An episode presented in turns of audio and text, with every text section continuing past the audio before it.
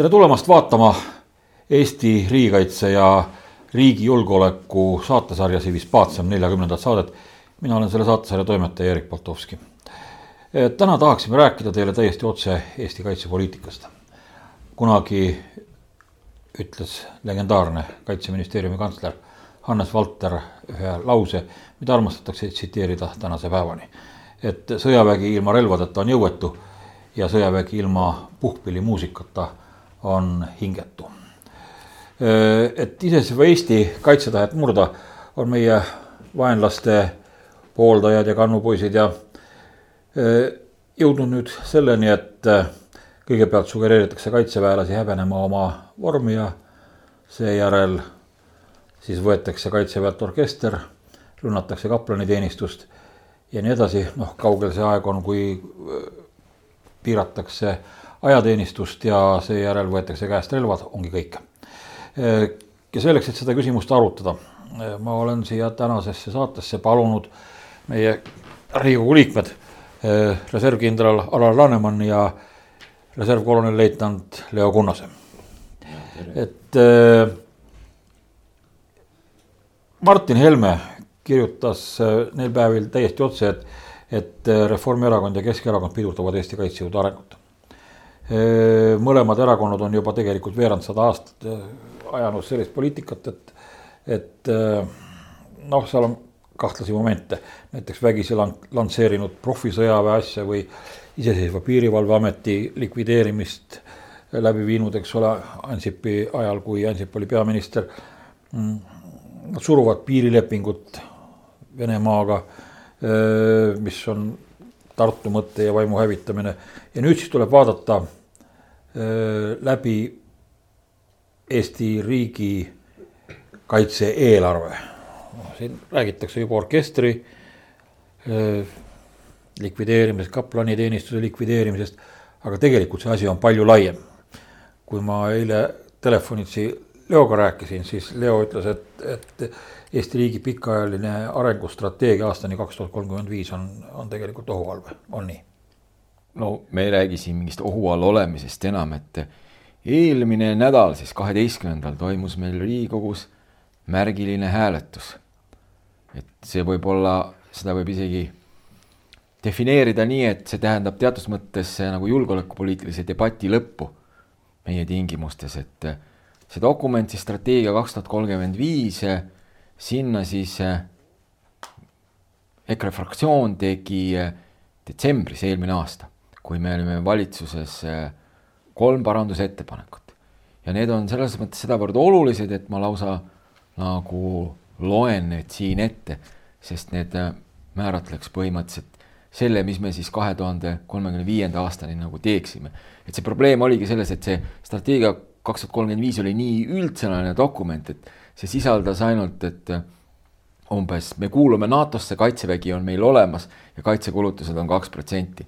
Et noh, sellel tasemel ei oleks ju mõtet midagi kirjutada mingisse dokumenti ja me tegime sinna siis, siis kolm parandusettepanekut ja pärast me räägime ka, mis nendest siis sai mm. -hmm. et esimene parandusettepanek oli väga lihtne, et, et asendada lause kaitsekulud on suuruses vähemalt kaks protsenti, lausega kaitsekulud on suuruses vähemalt kaks koma kuus protsenti SKT-st.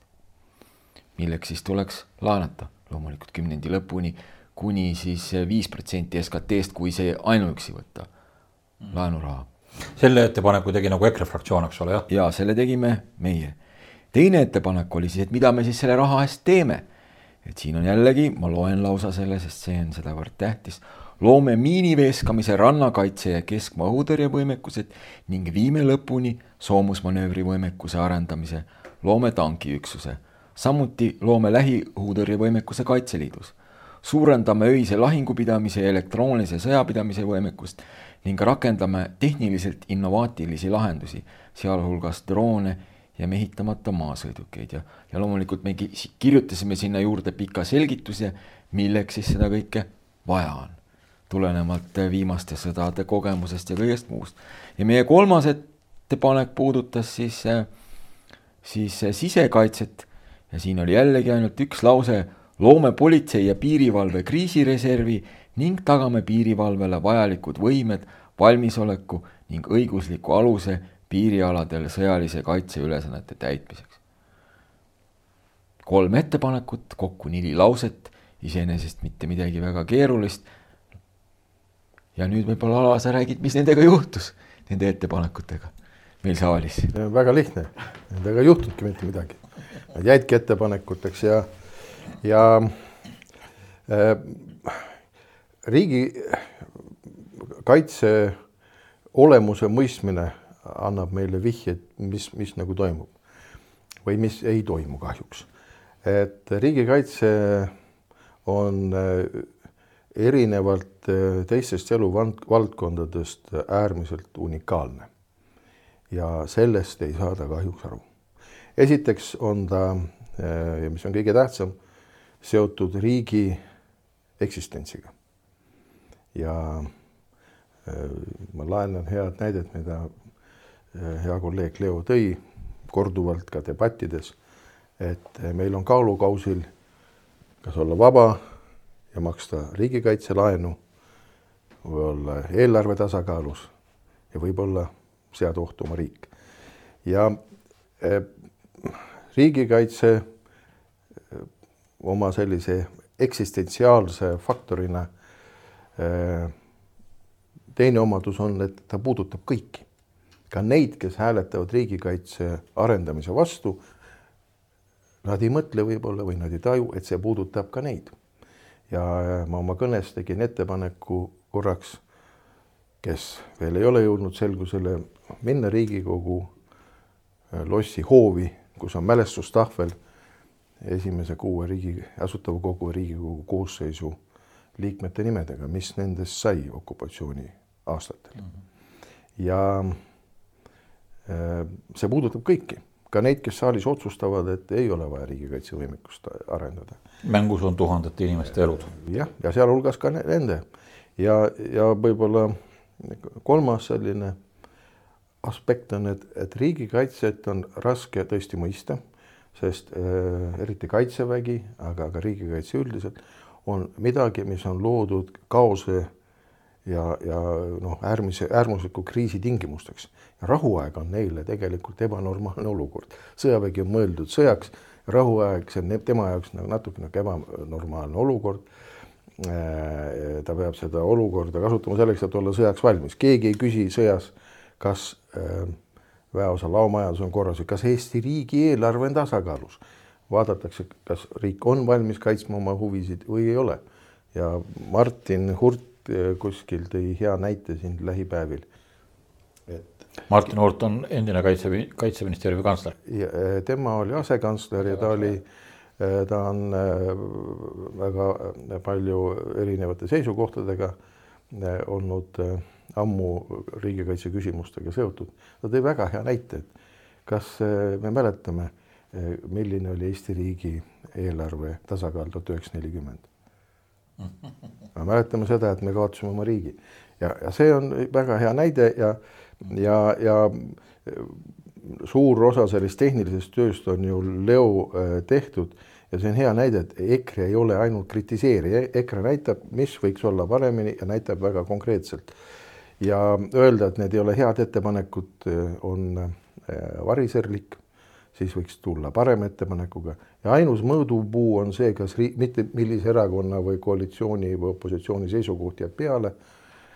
Äh, ainus võidukoht on see, et kas riigikaitse nüüd kasvas või ei kasvanud, see on väga lihtne. et selles mõttes on väga kurb, et nende, meil oli ka hääletamine riigikaitsekomisjonis, kus kahjuks Isamaa ja EKRE jäid vähemusse ja kõik meil räägivad, et riigikaitse on tähtis ja see on oluline teod loevad ja nende tegude mõju loeb. isegi mitte see tegu, tegu on selline protsess, aga mis on see efekt selle teo järel, mis muide on hea äh, lugu siin orkestritega, et mittesõjaline võimekus kaotatakse ära, aga, aga efekt, mis sellega kaasneb, äh, juhid ja otsustajad peavad äh, selle peale mõtlema. ja riigikaitse arenguga ongi niimoodi, et me kas teeme ära need kriitilised võimekused, üks nendest on ju öö, ma ütleks, et ülikriitiline äh, keskmaa õhutõrje. ta on otseselt seotud meie riigikaitse ühe sambaga, see on liitlaste apituleku, kiire apitulekuga. ja väga, ma arvan, rumal otsustajate poolt, et äh, nüüd, kus meil oli võimalus, võimalus oli juba üks äh, šanss oli eelmisel aastal mm. Ja nüüd oleks ka võimalus, aga aga jah, ma arvan, see näide, et kas me mäletame neljakümnenda aasta riigieelarve seisu või mäletame neljakümnendast aastast midagi muud, et see on vaja küsida igalühel. ja milline oli tuhande üheksasaja üheksateistkümnenda aasta riigieelarve see seis? me laenasime üks koma viis SKT-d, mitte eelarvet, üks koma viis SKT-d ja sellal kakskümmend dollarit oli üks unts kulda. ja meil jäigi see tagasi maksmata ja kui me võtame selle summa nüüd, korrutame selle tänapäevase kulla hinnaga, siis me oleme klassis poolteist miljardit. ehk siis see oli see, mis tehti, aga meie et, ettepanekud jah, meie ettepanekud hääletati halastamatult maha. me pakkusime muidugi ka väljapääsu, et katkestame selle lugemise, nüüd tehke oma paremad ettepanekud võib-olla tahate mingeid teisi võimekusi, me oleme aktsepteeri-, valmis aktsepteerima igat ettepanekut, mis on suurem kui kaks koma viis protsenti praeguses julgeolekuolukorras. et lihtsalt kõik muud asjad ei vasta praegusele julgeolekuolukorrale. see on nii, nii, nii lihtne. Need, need kavad lihtsalt ei vasta sellele, et meil oli terve olulise tähtsusega riiklik küsimus, arutasime terve päeva siin Riigikogus, kõik pidasid väga kenasid, sütitavaid kõnesid, kuidas Riigikogu või tähendab, kuidas, kuidas Riigikogu peaks nüüd eh, toetama riigikaitset ja tegema midagi, aga siis, kui nagu otsust, otsustamiseks läks ja hääletamiseks, siis eh, noh, nagu ma ütlesin, et see debatt tegelikult on lõppenud. igas järgmises debatis ma öelnud, aga mul ei ole teiega midagi rääkida. Te ainult jutustate, mingeid tegusid ei järgnenud. nüüd ongi raske otsus, kas võtame viis protsenti SKT-st laenu või siis jätame need asjad tegemata. see ongi see otsustuspunkt, ega ei ole mingeid häid otsuseid kuskil, et meil on mingi ideaalne maailm. ongi nii. ühesõnaga, teie vastaserakonnad poiste keeles panid tuima lihtsalt teiega, ma saan aru, oli? jah, kui väga rahvakeeles väljendada, siis äh, nii ta oli. ja võib-olla veel üks seda äh, olukorda iseloomustama sobiv näide on et no kuidas noor pere alustab, noh, me oleme ka suhteliselt noor riik, meil on paljud võimekused puudu. on vaja omaette elamist äh,, leitakse töö ja siis vaadatakse, kas nüüd saab ka elamist viia teisele tasandile ja võetakse eluasemelaen mm. -hmm. teine variant on need vireled kakskümmend aastat ja kogud ja raha järjest odaneb. et see ei ole midagi äh, erilist ja, ja ja lõppkokkuvõttes kriisiolukorras loeb, kas sul on see kriisi tõrjumise võimekus või ei ole. mitte see, milline su eelarve seis on ja, ja, ja alliansi liit, liit, liikmena äh, ma arvan, meil on üsna head võimalused, me ei pea ju kõike absoluutselt, mis vaja Eestis arendama. tahame liitlastega koos seda teha, aga, aga see soovimatus midagi teha ja eriti soovimatus teha ära need äärmiselt hädavajalikud ja kriitilised asjad ja ma üldse ei üllatu, kui see mere, Miinisadama teema tekkis selleks, et kuidagi pidurdada rannakaitse arengut. sest et sa ju sisuliselt halvad ühe väeliigi, kes peaks hakkama uut võimekust arendama, et ma lo väga loodan, et ma eksin. tegelikult seal Noblessneri sadamas on uusarendused ju, et eh, hetkel, kui, eh, kui Noblessneri sadama maha müüdi, siis äh, tekkis nendel kinnisvaraomanikel ilmselt isu kõrvalkrundi peale no.. tegelikult sellest, sellest räägiti juba kusagil kakskümmend aastat tagasi. võib-olla, võib-olla täna isegi selles niivõrd detaili ei läheks, sest meil oli äh, kaitseminister Kalle Laanet oli täna meil, meil siin infotunnis ja me just küsisin, ma küsisin tema käest ja formuleerisin ka kirjalikult äh, üheksas plokis kokku kakskümmend kolm küsimust selle mereväe võimaliku ümberpaiknemise kohta ja loomulikult ma ei eeldanudki Kallelt nüüd täna vastuseid, tal on seal aparaat, ministeerium, peastaap, mereväestaap, kes suudavad adekvaatselt anda need vastused, aga neid vastuseid on vaja sügiseks, kui see arengukava nüüd uuesti meile tagasi tuleb. aga noh, ma lähen korraks sinna, sinna selle oluliselt tähtsa riikliku küsimuse juurde tagasi, see oli siis kahekümne kolmandal märtsil me arutasime siin Riigikogus, et mis siis riigikaitsest saab. Nagu riigikaitse jätkusuutlik areng, sellel oli ka kena pealkiri. ja sel ajal, kui me seda arutasime, siis meil arengukavas kaitsekulude kohta oli siis kirjas järgmist, ma nüüd loen siit lehekülg kuuest sealt nagu sealt üldosast, et algtase, millelt me siis liikuma hakkame, on kaks koma kakskümmend üheksa protsenti. siis äh, aastal kaks tuhat kakskümmend üks, et, et sellel aastal, nüüd see natuke langeb kahe tuhande kahe, kahe koma kahekümne seitsmele protsendile, sest äh, SKT natuke tõuseb. et see on siis see tase, kuhu eelmine valitsus suutis selle tõsta, selle viimase eelarvega. ja siis vahetase kahekümne neljandaks aastaks oleks kaks koma kakskümmend kolm protsenti ja sihttase siis äh, kahe tuhande kolmekümnendaks aastaks siis jääks seesama kaks tuhat kaks koma kakskümmend kolm protsenti. see oli see, mille, see raam, mille alusel see arengukava koostati ja millega me ei olnud rahul, sest sinna sisse ju ei mahu uute võimekuste nüüd loomist peale siis miiniveeskamise ja rannakaitse, mis siis nüüd sisse läksid. et äh, vahepeal juhtuski see, et nüüd äh, uues RES-is, et nüüd on arengukava kinnitamine edasi lükatud sest uues RES-is, kui me siin juba nii täpsed oleme ja, ja tsiteerime neid dokumente, uues RES-is lehekülg üheksakümmend kaheksa on selline tabel, kust me näeme, et kaitsekulud siis kahe tuhande kahekümne neljandaks aastaks kukuks kahe koma null kahe protsendi peale alla.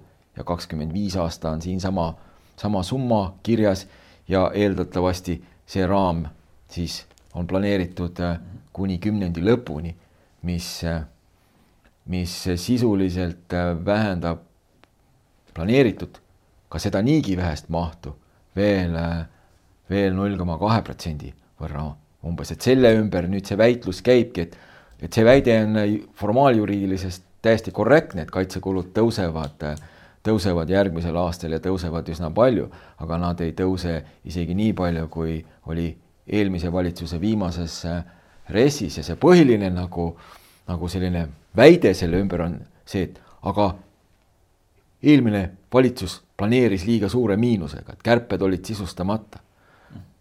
Et aga see puudutab nagu üldist rahanduspoliitikat, et ma olen väga sõbralikult soovitanud reformierakondlastel konsulteerida nende oma erakonnakaaslaste Alar Tammingu ja, ja Meelis Adoneniga, kes äh, on äh, väga täpselt määratlenud selle praeguse finantssüsteemi olemuse.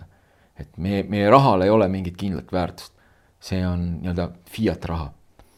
Et äh, alates viieteistkümnendast augustit, augustist tuhat üheksasada seitsekümmend üks, mil äh, USA dollar võeti ära kulla aluselt, on dollari väärtus vähenenud üheksakümmend viis protsenti. sellest tolleaegsest dollari väärtusest on järel viis protsenti. lihtsalt seepärast, et eh, miks, miks USA seda üldse tegi, et selleks, et laenata, Vietnami sõja võlgu maksta ja selleks, et neid laene tagasi maksta ja nii-öelda siis selles inflatsiooni tingimustes viia seda raha väärtust kogu aeg alla, on kogu aeg laenatud, laenatud ja laenatud. ja Saksa marga ja euroga on see ainult natukese parem. kui me elaksime selles maailmas, ehk siis enne viieteistkümnendat augustit tuhat üheksasada seitsekümmend üks, siis ma oleks ka selle poolt, et, et hoiame eelarve tasakaalu.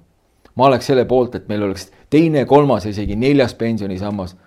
aga noh, nendes tingimustes, ma mäletan, minu esimene palk, mida ma sain, oli kakssada kaheksakümmend krooni, kui ma olin Kaitseliidu Tallinna maleva staabiülem kohe, kui kroon tuli. kui ma oleks sellest kümnendiku säästnud, näiteks ükskõik milleks, mis oleks selle väärtus täna? ma küsin, mis oleks selle väärtus täna, mis ma saaks osta selle, selle kahekümne viie tolleaegse krooni eest? ja siis on küsimus, et mis on tänase euro väärtus kümne, kahekümne ja kolmekümne aasta pärast ja mis meie finantssüsteemist üldse saab et, et need on need, need võtmeküsimused ja me ju näeme seda, et, et kogu, kogu, kogu see probleem, mis praegu on nii riigikaitses, sisekaitses kui, kui teistel, taandub arusaamisele nagu rahast. selle olemusest ja finantspoliitikast. ja meie finantspoliitika on tegelikult äh, väga kardinaalselt erinev sellel valitsusel, mis on üldiselt Euroopas, et ma toon soomlaste näite kõrvale, et et äh, soomlased nüüd kahe aasta jooksul selleks, et sellest kriisist üle saada, laenavad kakskümmend seitse miljardit eurot. Soomlased tõstavad järgmine aasta kaitsekulusid ühe koma seitsme miljardi võrra korraga, miljardi võrra, mitte miljoni võrra. selleks, et äh, hankida nüüd uued hävitajad ehk kuuskümmend neli uut hävitajat. see muidugi läheb neil mitmeaastase protsessiga, seda ei maksta ühe aasta jooksul. ja siis neli korvetti ja siin ei tehta mingit hinnaalandust, kui oli kuuskümmend neli hävitajat ja kümnendi lõpuks peab olema tehtud kõik, siis see tehakse. Et, et ei ole vabandust, et nüüd on kriis ja soomlased lasevadki võlal kasvada nüüd seitsmekümne viiest, seitsmekümne viie protsendini SKT-st. lihtsalt noh, see julgeolekuolukord ei anna teist võimalust. soomlastel on sõjakogemus. aga meie vaatame, et noh, kumb on tähtsam praegu, praegu ongi see nagu võtmeküsimus, kumb on tähtsam, kas me püüame iga hinna eest hoida riigieelarve tasakaalu või siis me täidame need lüngad. et kui me läheme tagasi sellesse aega kaks tuhat üheksa, kümme, millal tehti samasuguseid otsuseid, mis siis juhtus? majanduslangus oli kahekohalistes numbrites, kahekohalistes numbrites. inimestel ei olnud enam tööd ja paljud inimesed olid sunnitud riigist lahkuma me ei tea, kui palju neid täpselt oli, oli neid kolmkümmend, nelikümmend, viiskümmend tuhat, selle üle spekuleeritakse, mõned ütlevad isegi, et see oli sada tuhat, mis ilmselt päris tõele ei vasta. aga need arvud olid suured, et see oli hind, igal otsusel on mingi hind. Kui eelarvet sooviti siis tasakaalus hoida, sellel oli oma hind, milleks oli järsk majanduslangus ja inimeste massiline lahkumine riigist. nüüd, kui proovida uuesti tasakaalus hoida, on selle hind, et riigikaitse asjad jäävad tegemata ja kuidas see majandusele hakkab mõju, mõjuma. see sõna läheb ju laiali, inimesed ju näevad, et aga mind võidakse homme koondada. ma pean hakkama säästma, ma ei saa tarbida, ma ei saa teha neid otsuseid. see, see on nagu vette visatud kivi praegu, mis hakkab levima. see, see on alles oma leviku alguses, sest selle valitsuse, praeguse valitsuse poliitika on ilmselgelt väga teistsugune kui eelmise valitsuse poliitika, mis puudutab üldse kriisi ja selle ületamise võimalusi. ja see on väga teistsugune kui enamik Euroopa riike on valinud või ka Ameerika Ühendriigid on valinud. et, et siin ongi need nagu, et me oleme, ole, oleme nagu täiesti oma nurgas, et kui meil on euroala ja siin keedetakse suppi, oletame, et selle supi nimi on uhhaa, et seda, see supp keeb ühes katlas ja me teeme siin, mõtleme oma kat-, katlanurgas, et me keedame siin seljankat, me teeme täiesti teistsuguse süsteemi, me usume, et me elame ajas enne viieteistkümnendat augustit tuhat üheksasada seitsekümmend üks. Et me, me elame selles ajas, millal rahal on kindel väärtus. siis ma oleksin kahe käega selle praeguse poliitika poolt. aga me ei ela selles ajas, me ei ela ka kolmekümnendates aastates, kus äh, põhimõtteliselt kroon oli samamoodi kullaga seotud ja selle devalveerimine oli, oli väga suur ja väga valuline protsess, mis lõpuks äh, kaudselt põhjustas ka kolmekümne neljanda aasta sündmused. et et ega siis finantssüsteemide püsimise või kokkukukkumisega me ju teame, et iseenesest ei ole mingit nalja. aga selge on see, et kas meie, et euroala riigid, kellel on ka riigivõlg suurem kui kuuskümmend protsenti SKT-st ja need on enamus euroala riike, nende riikide finantsstabiilsus ei ole ohustatud, nende riikide julgeolek ei ole ohustatud selle, selle tõttu ega ammugi nende eksistents. aga nüüd ongi see, et, et kui me jätame selle tagasihoidliku nüüd umbes viis protsenti SKT-st panustamata, siis äh, mis võivad olla tagajärjed, et vabadussõja ajal me ei kõhelnud, meie esivanemad ei kõhelnud tegemast neid raskeid otsuseid, sest nad said aru, et kui me ei säilita seda riiki praegu, no siis me võime, siis tulevastel põlvedel ei olegi midagi, nagu sest, sest pole ka riiki. et sisuliselt need, need otsused tuleb igal valitsusel kogu aeg teha nagu aina uuesti ja uuesti ja igal otsusel on hind. ma lihtsalt püüan nagu veenda, olen püüdnud nagu nii avalikes esimest, esinemistes kui artiklites veenda seda, et need, need, see hind siin kaalukausil, siin vaekausil, et, et need kaks kaalukausi vihti poolt ei ole võrreldavad omavahel. on olemas üks selline aforism, et sõja korral on rahakott kõige väiksem asi, mille me kaotame siis, kui meie pihta juba tulistatakse. et kõik see, ma võtsin lihtsalt lühidalt ühe aforismiga selle jutu kokku, mida, mida praegu Leo räägib. ja kõik see asi toimub meil praegusel hetkel ülikeerulises äh, rahvusvahelises olukorras. me ei tea, mis on äh, maailmas nädala pärast, kuu aja pärast, poole aasta pärast. ma lisaks Leo jutule veel ühe tahu juurde, et, et kui tõesti tajutakse, et, et rahadega peab kuidagi koomale tõmbama, siis targa juhi, eriti targa riigijuhi otsus peaks olema ikkagi selline, et kõige viimasena sa lähed inimeste kallale.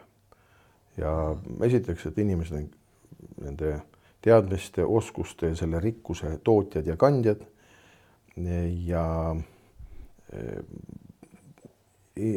inimeste kui ressursi taastootmine on ka kõige aeglasem ja võib-olla kõige mahukam. et ne, inimene üles kasvaks ja, ja teadmised ja oskused omandaks, et ta saaks olla ühiskonna väärikas liige, et selle kallale minnakse kõige viimasena. sest see on kõige raskemini taastatav. ja seda on kurb näha, et ähm, selle kallale pigem minnakse esimesena. arusaamatu kuidas sa sellesse suhtusite, et just see, ma praegu küsisin, et enne seda, et, et äh, seda kõike tehakse just praeguses ülikeerulises rahvusvahelises olukorras. Võtame siin kasvõi noh, kuna meil on riigikaitsesaade ja julgeolekusaade, siis äh, te kõik lugesite hiljuti uudiseid sellest, et, et Prantsuse ohvitserid noh, mässavad migratsiooni vastu, eks ole, seal ongi teinud kolm avaldust juba, mis muide, kui nad oma ähvarduse teoks teevad, et nad, et nad garanteerivad riigis korra igal juhul. see tähendab sisuliselt seda, et, et mingiks hetkeks võib hakata Euroopa Liit üleüldse eksisteerima.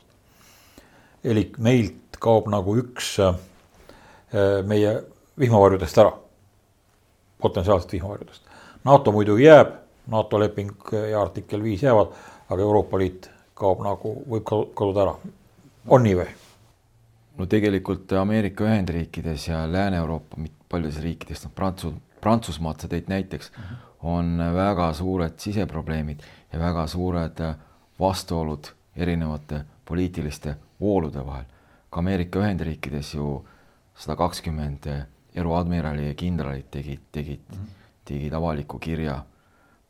noh, Prantsusmaa sellest äh, kirjast, sõjaväelaste kirjast sa juba rääkisid, et ega noh, me väga peavoolumeedias sellest kõigest ei kuule, aga aga loomulikult need, need protsessid need protsessid toimuvad ja need protsessid on, on no, nagu väga murelikud, me peame kõike vaatama nagu selles kontekstis, et, et võib-olla kui julgeolekust natuke üldisemalt rääkida, mis see seis praegu on, siis, siis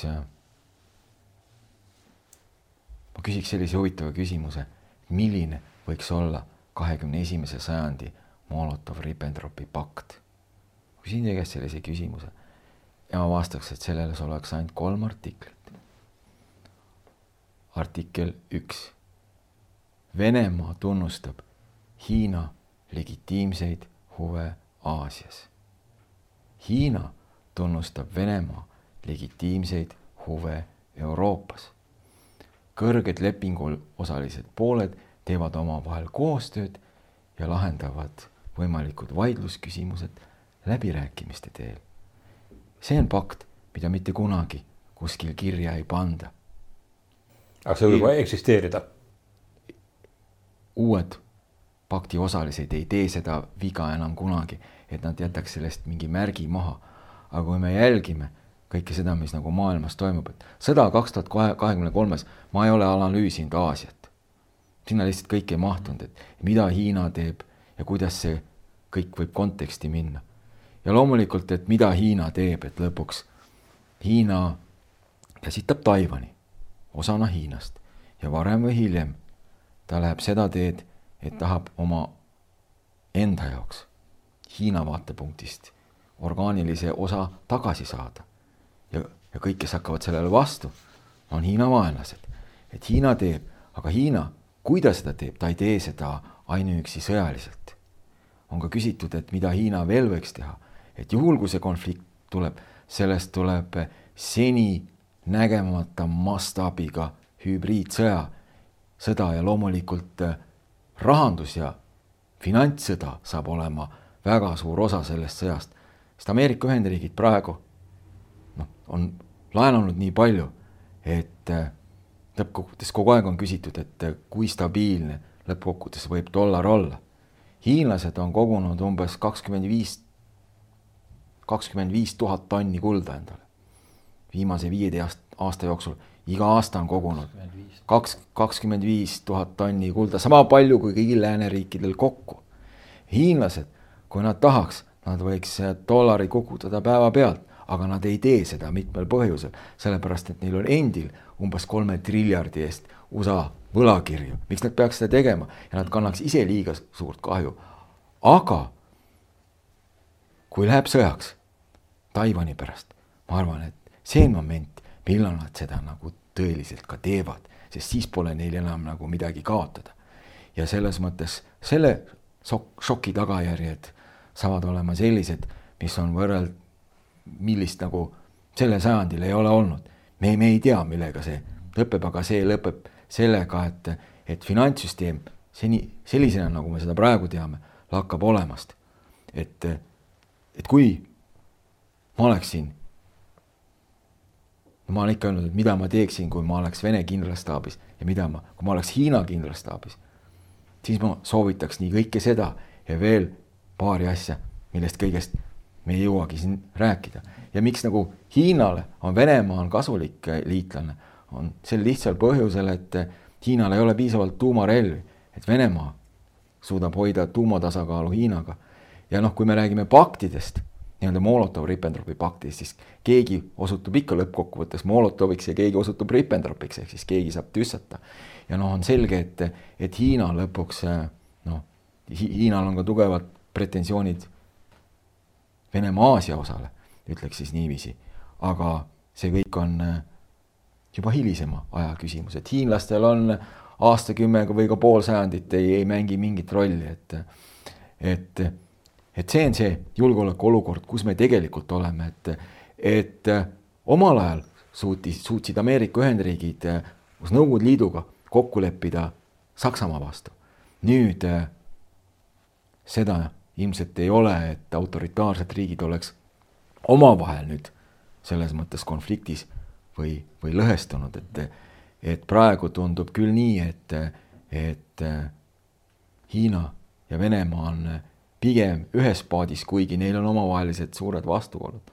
et seda pakti nagu tasub karta, nagu ma ütlesin, et, et ma ei tea, kas see pakt on olemas, aga me ei saa välistada, et kui vaadata neid sündmusi, mis maailmas on toimunud nagu viimase kuskil kümne aasta jooksul, siis märgid näitavad, et, et selline pakt võib olla olemas kas, kui see juhtub, see tähendab seda, et, et NATO-l hakkab automaatselt olemas, kui, kui Hiina oma kullavarudega põhjal. NATO ei lakka nagu olemast kusagile, selles mõttes seda ei ole nagu karta, aga kui need sündmused juhtuvad, siis ega Venemaa ei jää ju seda nagu näpp suus pealt vaatama. Venemaa asub sel juhul legi-, oma legitiimseid huve ellu viima. kui Hiina asub oma huve vii-, viima ellu Taiwanil, siis see avab ka Venemaale käed, et see loob Venemaale tegevusvabaduse. Ameerika jääb ooke-, Vaiksel ookeanil kinni ja, ja Euroopas saab teha Vene mis tahab, eks ole. mida turbulents, üks meie ju julgeoleku selliseid nagu virtuaalseid garantiisid on ju olnud stabiilne rahvusvaheline olukord. aga mida vähem on seal stabiilsust, seda rohkem peab meil endal olema kodus valmidust ja võimekust. ja selle Leo eh, pakti näite kohta ma ütleks niimoodi, et maailm peaks olema õnnelik, et Leo sündis eestlaseks, mitte eh, hiinlaseks, et kui oleks olnud Mao Tse-kunnas, oleks võib-olla Taiwan ammu tehtud. et aga see on tõsi, eh, huvid on jäävad, olukorrad ja, ja lepingud võivad ju muuta, muutuda, sõlmitakse, siis neid murtakse, aga huvid on need, mis ju jäävad ja, ja olukorda kasutatakse ära, nii et ma üldse ei alahindaks. no siin ma lihtsalt vahepeal lähen panen korraks ulme, ulmekirjaniku mütsi pähe või saapad jalga, kuidas seda nagu, nagu, nagu vaadata ja püüan neid olukordasid eh, nagu lihtsalt ette kujutada, aga, aga noh, sa mäletad, kui me rääkisime Karabahhiast, et ja. mis oli, mis olid meie vead, et viga oli ajaline, viga oli sõja puhkemise viga oli üheksa kuud, kestvuse viga oli poolteist kuud ja tulemuste viga oli ka noh, märkimisväärne, aga ükski nendest vigadest ei olnud äh,, ei olnud selline, et kõik leidis aset. et kõik leidis aset. jah, kõik leidis aset, mis kõik, mis on ju iseenesest kõva näitaja. aga äh, äh, see küsimus äh, julgeolekuolukorrast on selles mõttes äh, valus, äh, sest kui me vaatame nüüd kärpeid riigikaitse plaanides, siis ka Riigikogus meie küsimuste-vastuste voorudes on ju tulnud välja ka täna muide, et mingit eelnevat mõjuhinnangut ei tulnud, ei olnud, mingit analüüsi ei olnud et, et milliste võimekuste osas me nüüd äh, kompromisse hakkame tegema, millest me loobume.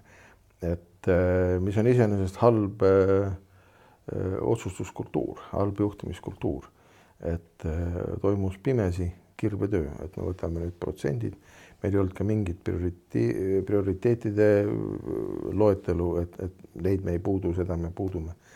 ja, ja mõjuhinnangut ei olnud ju absoluutselt.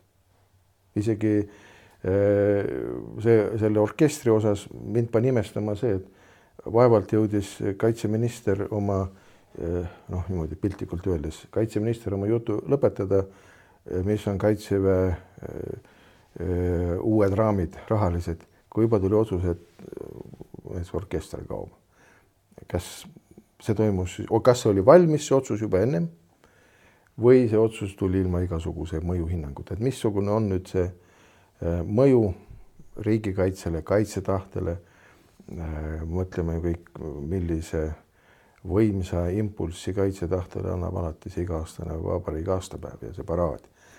Ja see on nähtavus, et äh, ma hea meelega tunneks huvi, kas see analüüs on tehtud ja mida see analüüs siis ütleb. või oli see tõesti, analüüsid on tehtud ja otsused olid ammu valmis, lihtsalt me nägime nüüd, et saabus selline hetk, kus otsus oli soodne teha. aga äh, kärpekava riiklik, ma näen jälle, et see oli liht-, puht rahandustehniline, et me tõmbame koomale. Neli, neli koma kaks protsenti universaalselt kõigile tegevuskuludest. ma olen ka seda öelnud, et, et selliseid otsuseid suudaks gümnaasiumiõpilane teha. see ei ole juhtimine. kirvetöö. et kõik valdkonnad ei ole võrdse tähtsusega riigi jaoks.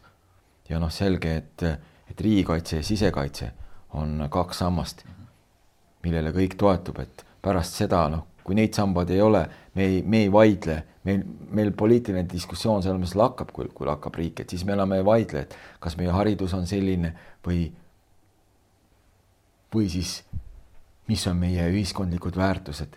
no siis, siis, siis kogu see, kogu, kõik see lakkab lihtsalt et, et, et, et, et siin on see, siin on see probleem, et, et kuidas saavutada see mõistmine, et praeguses julgeolekuolukorras me ei, ei tohiks nagu midagi lubada, no siin on kogu aeg tuleb, varasemad valitsused tegid seda, seda, jätsid selle, selle tegemata, meil oli liiga suur miinus, noh. mis mõtet on meil praegu hakata ette heitma, et jah, et et kohe pärast Ukraina sõda oleks pidanud tõstma kaitsekulusid, kohe oleks pidanud tõstma. loomulikult see kriit-, kriitika on õigustatud, me võime veel tagasi minna, et mida kõike oleks pidanud, aga see ei aita meid täna. täna on, see valitsus on täpselt selles juhtimisolukorras, kuhu kõik eelnevad nii edusammud kui ka läbikukkumised on seda viinud. ja tema peab sellest olukorrast nagu edasi juhtima, ega siis nagu noh, kui Vabadussõda hakkab pihta, siis on nagu mõttetu rääkida, et Atsaari armee tegi esimeses maailmasõjas need viga, vead või, või raha kulutati ära, et me ei saa nüüd midagi teha, et noh, siis oli täpselt see olukord, kus, kus ta praegu on. kaks tuhat neliteist oli muide ka Reformierakond võimul, nii et, et ega nad ei oleks teist otsust teinud nagunii, arvestades nende praktikat.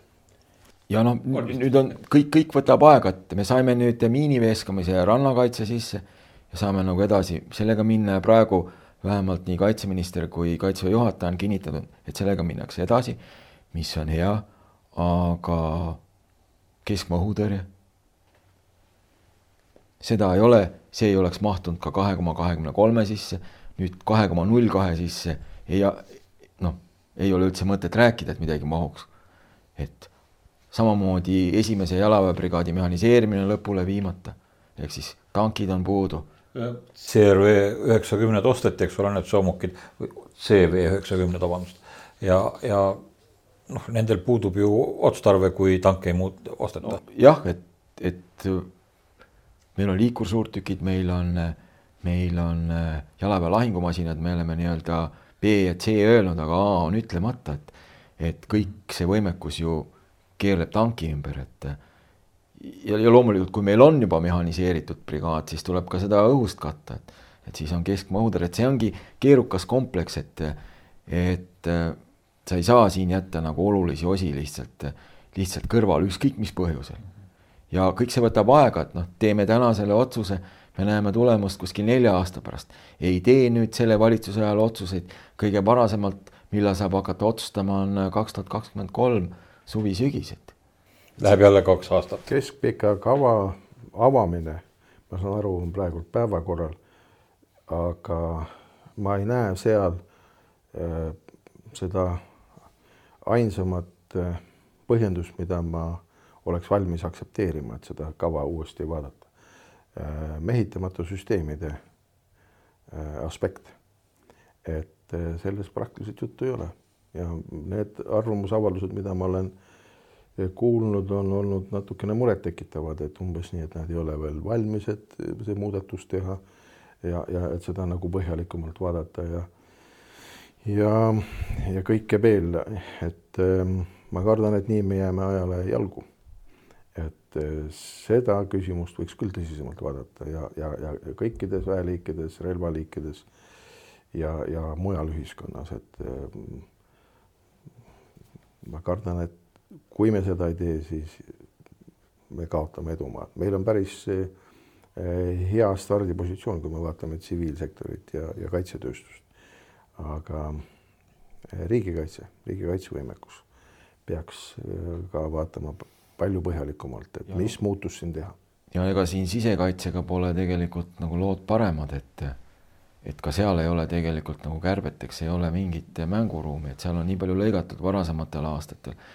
nii, nii Päästeamet kui Politsei- Piirivalveamet tegelikult noh, on toiminud praktiliselt viimase piiri peal, et et noh, siin tekibki see illusioon, et ahaa, mida suurem ministeeriumi valitsemisala, mida suurem nagu summa, siis ka, ka põhimõtteliselt saab rohkem raha kätte, kui lõigata. aga, aga, aga need kaks valdkonda on jah, siin siin, et praegu ka noh, tõsiselt on, on kaalumisel ka siin eh, meil fraktsioonis, et eh, valitsuse umbusaldamine, noh, see on muidugi fraktsiooni, fraktsiooni erakonna juhtkonna ja ka teiste opositsioonierakondade nagu küsimus, et aga, aga noh, lugu tegelikult on tõsine, et, et see, see finantspoliitika, millest siis tuleneb, tulenevad kõik need muud otsused, et, et see praeguses kriisi tingimustes lihtsalt noh ei ole toimiv.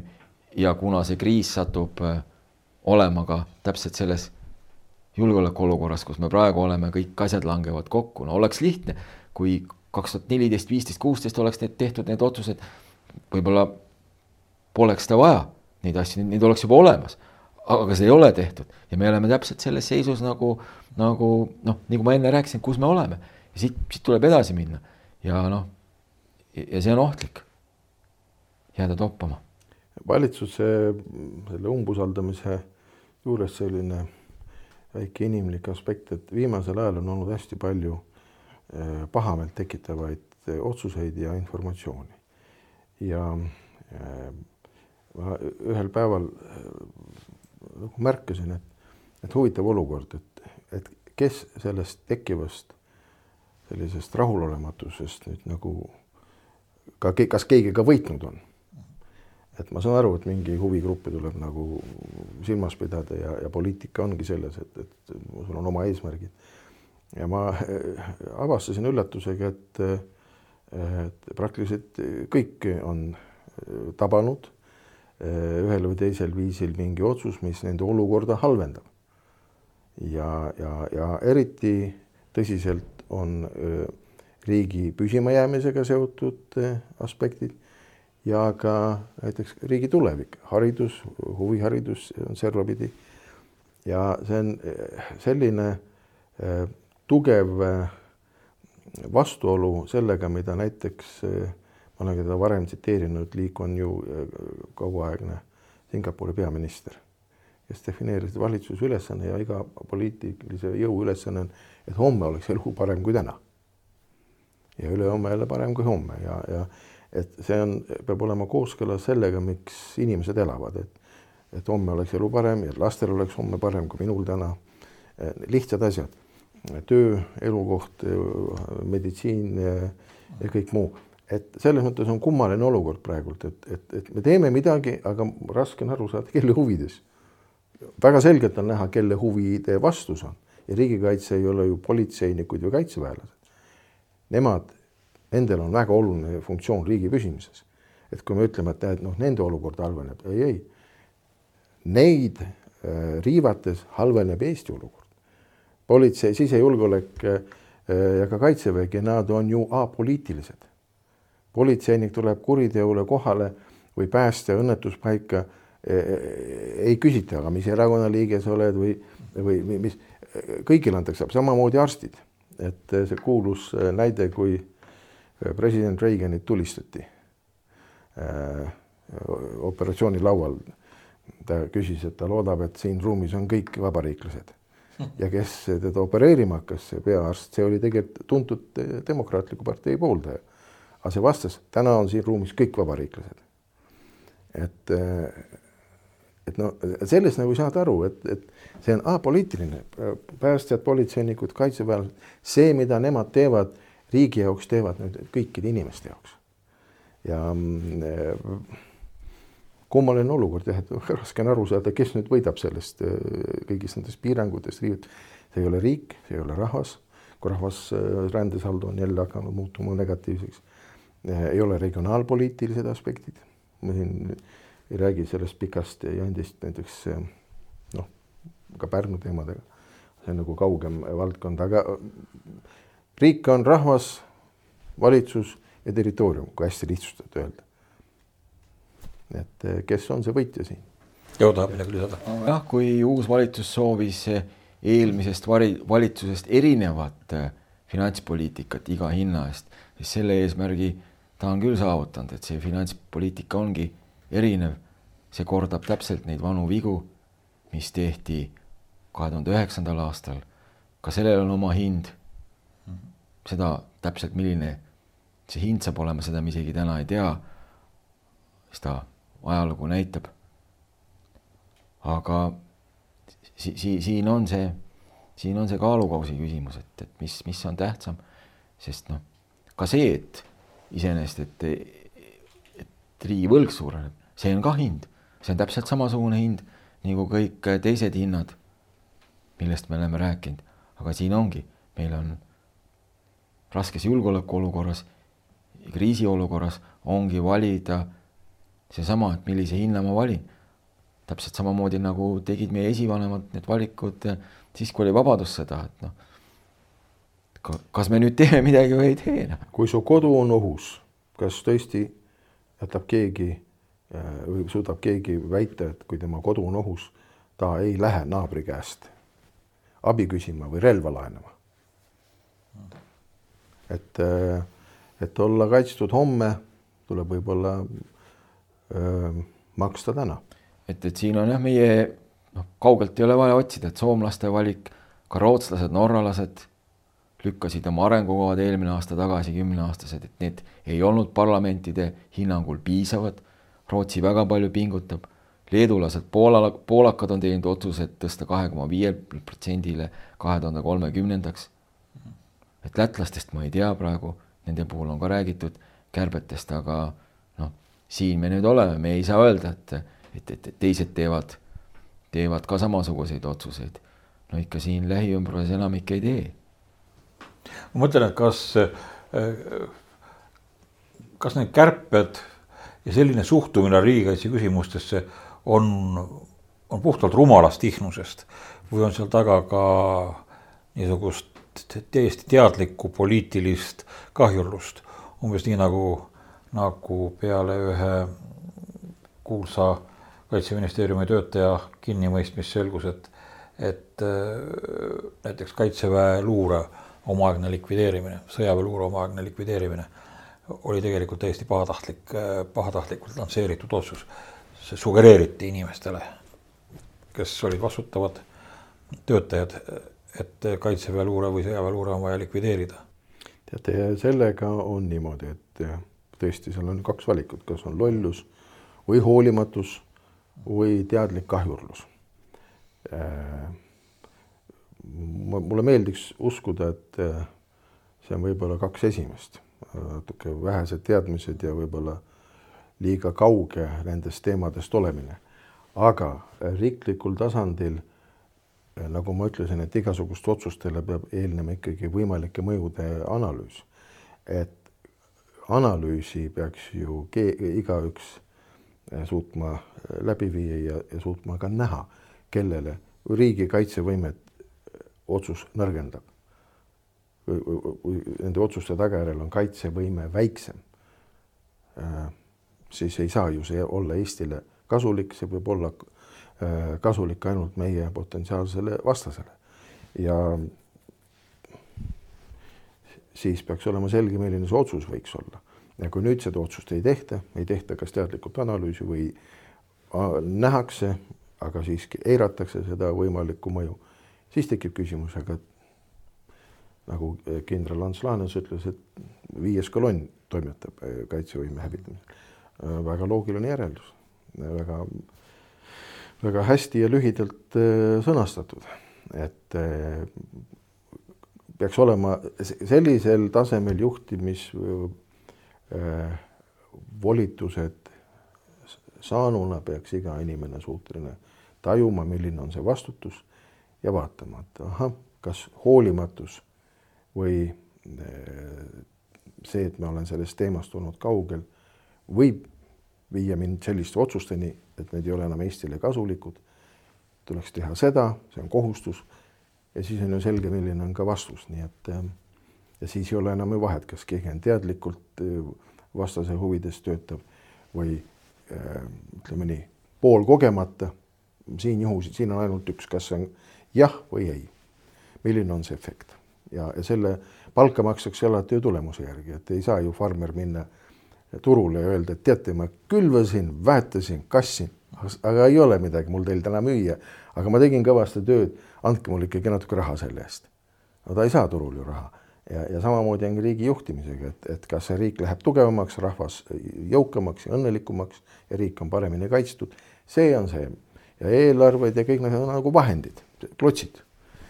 ja neid seoseid peaks igaüks suutma ju näha aitäh, Alar Laneman, aitäh, Leo Kunnas, et äh, tulite saatesse.